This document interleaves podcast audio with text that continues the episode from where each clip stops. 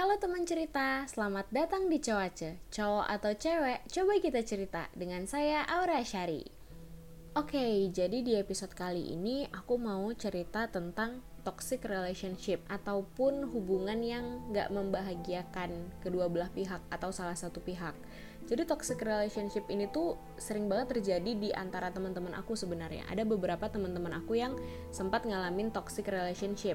Ada yang cowoknya matre, ada yang cowoknya suka mukul, ada yang cowoknya tukang selingkuh, macem-macem lah. Pokoknya. Uh, intinya selama dia pacaran sama si cowok itu sebenarnya dia nggak bahagia gitu. Kalaupun dia bahagia sebenarnya bahagianya tuh semu. Jadi kayak cuma bahagia sesaat gitu kayak utopia gitu. Tapi toxic relationship ini nggak applicable di cewek aja loh kadang ada teman-teman cowok aku yang cerita kalau misalnya cewek cewek mereka itu sangat-sangat toxic. Ada yang posesif ada yang bikin cowoknya sampai nggak bisa gerak. Ada yang kalau misalnya cowoknya pergi aja tuh kayak harus difotoin ke mana-mana gitu. Jadi emang bener-bener parah posesif banget. Yang kalau misalnya nggak bales chatnya bentar aja tuh udah ngamuk-ngamuk gitu. Dan menurut aku itu sama sekali tidak sehat. Karena ya menurut aku walaupun kita pacaran dan menjalin hubungan dengan seseorang kita tetap harus punya ruang untuk bisa berkembang. Kita tetap harus punya ruang untuk diri kita sendiri kayak gitu. Selama masih di dalam batas wajar ya kalau misalnya waktunya buat diri sendiri semua nggak ada sama si cowoknya atau si ceweknya ya ngapain pacaran kalau kayak gitu.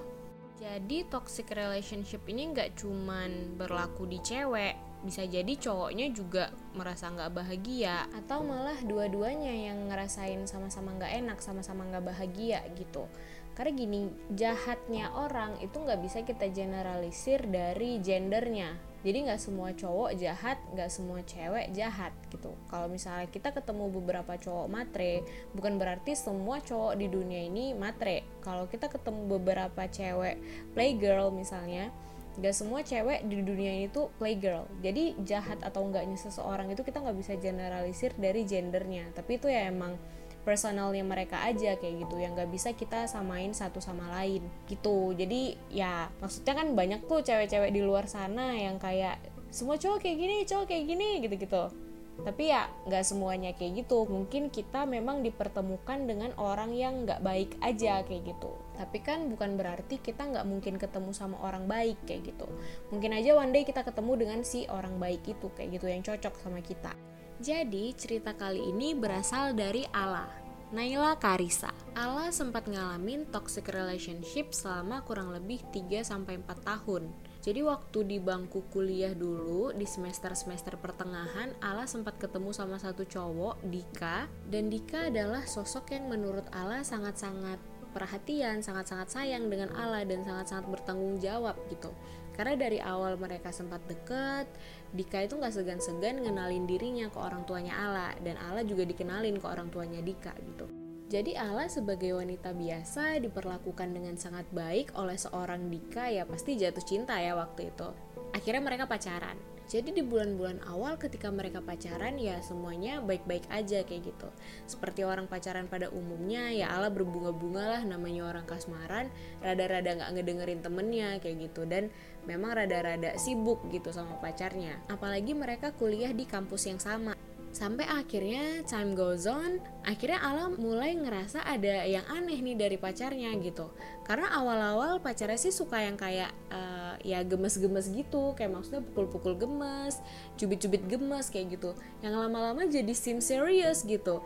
Pundak Ala tuh pernah ditimpuk pakai laporan tiga rangkap.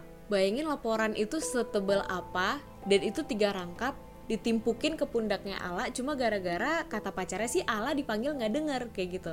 Jadi maksudnya yang awalnya cubit-cubit manja cubit-cubit lucu jadi nggak lucu lagi gitu karena udah mulai nyebabin ada lebam-lebam di badannya Ala tapi ya namanya perempuan lagi jatuh cinta pula lagi kasmaran akhirnya Ala mulai yang kayak mencari justifikasi untuk si pacarnya ini memperlakukan dia seperti itu gitu. Jadi yang kayak dia bilang nggak apa-apa kok nggak sengaja nggak apa-apa. Tapi gimana ya ini kan sakit juga kayak gitu. Akhirnya Ala ceritalah ke satu temannya. Dan waktu Ala cerita bener aja kata temennya wah itu udah toxic sih harusnya udah langsung dilepas kalau misalnya kayak gitu udah putus aja katanya gitu tapi ya namanya ala si cewek kasmaran cerita ke temen itu cuman kayak pelampiasan doang kayak cuman emang pengen cerita tapi ya saran dari temen kan namanya orang jatuh cinta belum tentu dengerin ya. Karena yang pertama kali akan didengarkan pasti adalah intuisinya sendiri. Gitu juga dengan ala. Karena kadang kalau dia abis yang nyakitin Ala dia balik lagi terus nanya gimana gitu. Yang akhirnya ya udah Ala luluh lagi luluh lagi kayak gitu. Kalau udah dia minta maaf aja udah luluh lagi soalnya manis banget mulutnya si cowok ini gitu. Nggak sampai di situ sekitar bulan keempat atau bulan kelima mereka pacaran Alan dapetin cowoknya itu rada-rada PDKT ke cewek lain gitu. Jadi semi-semi selingkuh lah. Selingkuh tapi belum sempat selingkuh kayak gitu. Lagi di awal-awal mau selingkuh eh ketahuan duluan. Di situ Ala marah dong. Tapi yang namanya balik lagi cinta cowoknya minta maaf ngakunya hilaf segala macem minta maaf perhatian bla bla bla ya akhirnya luluh lagi gitu. Balik lagi akhirnya mereka kembali menjalani toxic relationship ini. Yang awalnya kayak maksudnya sayang-sayang lama-lama jadi yang kayak percaya nggak percaya gitu kan. Karena juga si cowok kalau misalnya ala lagi kumpul sama temen-temennya itu selalu dicurigain banget gitu. Dia selalu diteleponin kayak ditanyain di mana pulang jam berapa. Jadi ala kalau misalnya main sama temennya jadi rada risih gitu. Dia rada mikir-mikir ini cowoknya bakal nyariin gak ya? Ini cowoknya bakal tahu nggak ya? Cowoknya bakal marah nggak ya? gitu dan di situasi yang kayak gini sebenarnya kan teman-temannya Ala juga jadinya nggak nyaman gitu. Karena maksudnya kalau misalnya mau ngajakin Ala pergi rada gimana gitu ntar takut cowoknya marah lah apa gimana. Nah ini kan udah nggak sehat nih sebenarnya hubungan yang kayak gini. Tapi ketoksikan dari hubungan ini nggak sampai di situ aja. Seringkali ada hal-hal kecil yang sebenarnya bikin temen-temennya Ala nih rada gemes ya sama si cowok ini. Tapi mau gimana Alanya nggak mau putus kayak gitu jadi si cowok ini laporan akhirnya, skripsinya dan segala macemnya itu dikerjain sama Ala sebenarnya. Gitu. Jadi dia yang kayak cuman udah udahlah tinggal sidang, tinggal seminar dan lain-lain. Yang itu menurut teman-temannya Ala sangat-sangat tidak bertanggung jawab ya yang sebenarnya yang kayak gitu. Tapi ya mau gimana, ada aja alasan si cowok ini yang akhirnya bikin Ala mau aja bikinin laporannya dia. Nggak sampai di situ, cowok ini sering banget minta dibeliin barang sama Ala yang ya lumayan pricey lah saing-saing dengan sepatunya Justin Bieber. Ya ampun, seorang Allah harus memberikan dia sepatu dan barang-barang lainnya. Powerbank juga waktu itu pernah dibeliin. Bingung gak sih? Jadi selama si Allah itu pacaran sama Dika, dia itu udah hampir ngabisin tabungannya. Cuman buat beliin si Dika ini barang-barang yang dia pengen. Si Dika ini emang paket komplit dari yang namanya cowok brengsek suka mukul iya. Walaupun kata Ala di akhir-akhir hubungan mereka dia udah jarang mukul sih. Pernah selingkuh juga iya. Matre iya. Ngambekan iya. Posesif iya. Jadi ya emang si Ala harus ngorbanin banyak hal terutama hati ya buat si cowok ini. Tapi yang namanya cinta buta itu bener adanya. Karena itu yang kejadian di Ala. Dia nggak melihat semua itu sebagai kekurangannya si cowok ya walaupun dia melihat dia pura-pura nggak melihat. Yang dia lihat hanyalah si cowok ini sayang kok sama dia dan dia juga sayang sama si cowok. And that's enough for them to to be together. Sampai akhirnya mereka lulus kuliah terus mereka dapat kerjaan di daerahnya masing-masing. Ya LDR lah mereka. Ala di Aceh cowoknya di Palembang. Nah selama masa-masa LDR ini sering banget mereka berantem gitu. Dan ketika mereka berantem yang dilakuin ala si budak cinta waktu itu adalah terbang ke Palembang buat minta maaf ke cowoknya. Mau cowoknya yang salah mau alanya yang salah dia bakal terbang ke Palembang buat minta maaf. Kalau ala yang salah ala akan terbang. Kalau misalnya cowoknya yang salah cowoknya jadi marah juga gitu. Ngerti gak sih yang kayak kalau dia udah salah dia malah balik marah kayak gitu terus ya udah ala terbang lagi ke Palembang jadi memang hubungannya Ala dengan Dika itu sama sekali nggak sehat karena Ala udah ngorbanin banyak hal ya di sini ngorbanin perasaan, materi, dan lain-lain. Tapi yang dia dapat hal yang nggak setimpal gitu, karena cowoknya nggak tahu sepengetahuan aku ya. Aku kan cuma dapat cerita dari Ala nih. Cowoknya sih nggak pernah melakukan hal yang sama kayak gitu. Lately tapi dulu-dulu sih iya namanya waktu masa-masa PDKT ya. Sampai di satu titik Ala ngerasa semua ini udah sia-sia banget. Dia nggak bisa berjuang sendirian kayak gini terus. Dan waktu itu yang akhirnya nyadarin Ala adalah kata-kata dari mamanya. Mamanya akhirnya capek juga mungkin ya ngeliat Ala nangis-nangis terus. Terus akhirnya mamanya bilang ya udahlah lah apa sih yang mau diharapin lagi? Kayak gitu. Ya udah lepasin aja katanya gitu akhirnya Ala juga ingat-ingat teman-temannya semua nggak pernah ngedukung hubungan mereka teman-temannya selalu ngedukung mereka untuk putus. Tapi mungkin Alanya aja yang selalu kayak ngejaga si cowoknya gitu. Sampai akhirnya ketika cowoknya itu marah dan mungkin cowoknya berharap dikejar Ala udah capek untuk ngejar. Ala yang ya udah kalau kamu mau marah silahkan marah. Berarti kita ya udah sampai di sini aja kayak gitu akhirnya mereka putus dan terbebaslah si Ala dari toxic relationship ini. Di awal-awal ya emang berat banget buat Ala karena Ala juga sempat yang kayak ya mau nangis sudah nggak ada lagi air matanya apa yang mau ditangisin? gitu. Mau nyesel waktunya udah kebuang percuma dengan orang yang kayak gitu itu udah lewat nggak bisa disesali. Jadi yang bisa Ala lakukan adalah ya cuma nganggep ini adalah pelajaran jadi kalau misalnya orang-orang di fase kayak gini, menurut ceritanya Ala, pertimbangannya Ala nggak mau putus sama Dika adalah yang pertama karena udah lama.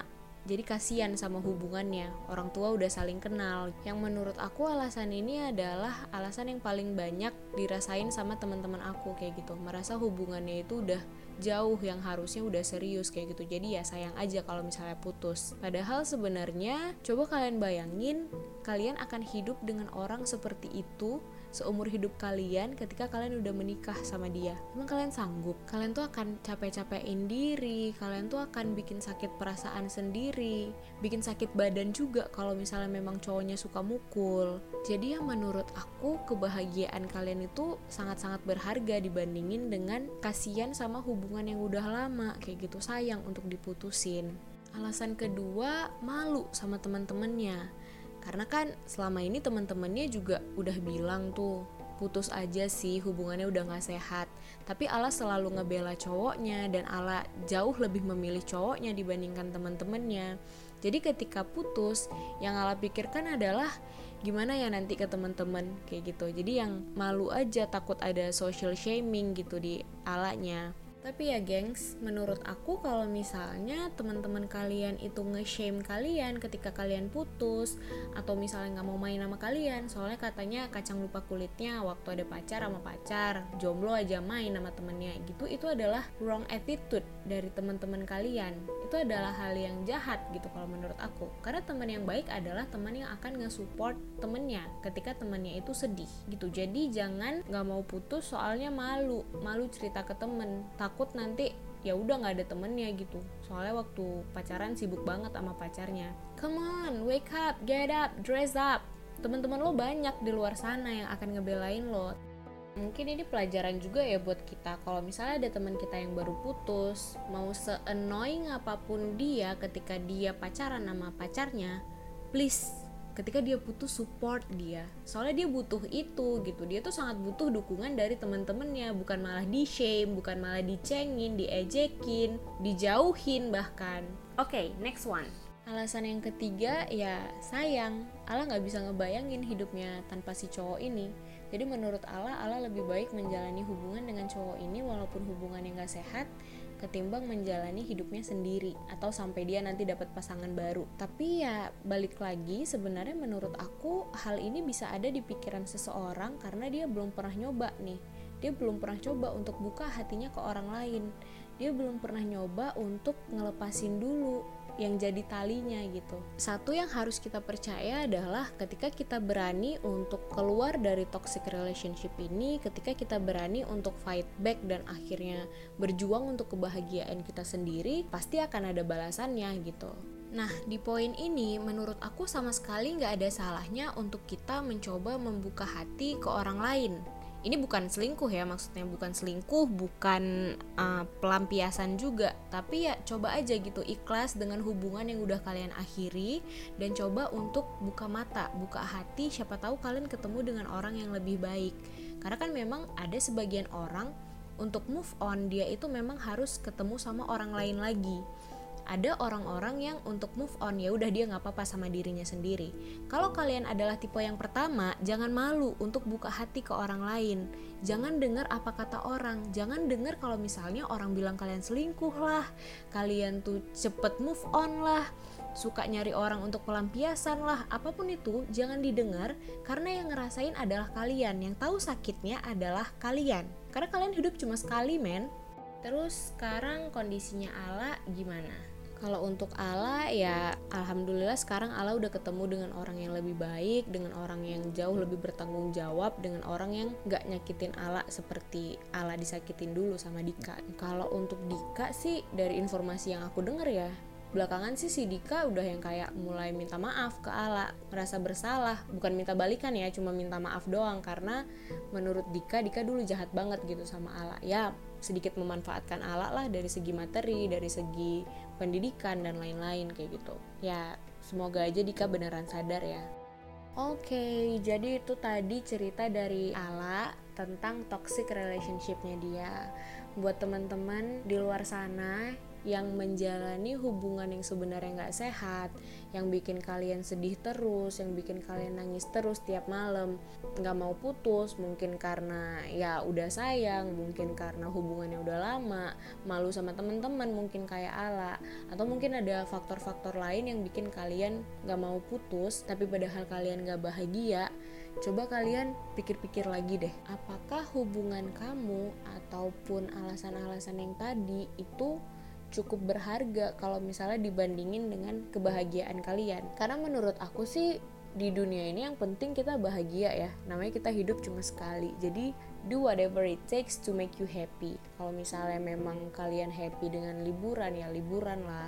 Kalau misalnya memang kalian happy dengan nongki sama teman-teman ya nongki sama teman-teman. Kalau misalnya memang kalian happy dengan bekerja keras ya udah bekerja keras lah kayak gitu. Wujudin cita-cita kalian wujudin mimpi-mimpi kalian. Tapi kalau misalnya menurut kalian dengan kalian menjalin hubungan dengan pasangan kalian bisa saling support bisa saling bangun ya ini adalah pasangan yang memang harus kalian jaga kayak gitu karena mungkin kalian gak bisa nemuin orang seperti itu lagi nantinya kalau kalian ada cerita yang ingin dibagiin, langsung aja DM ke @coace.id atau ke Instagram personal aku di @aurashari. Jadi kalian juga bisa berbagi.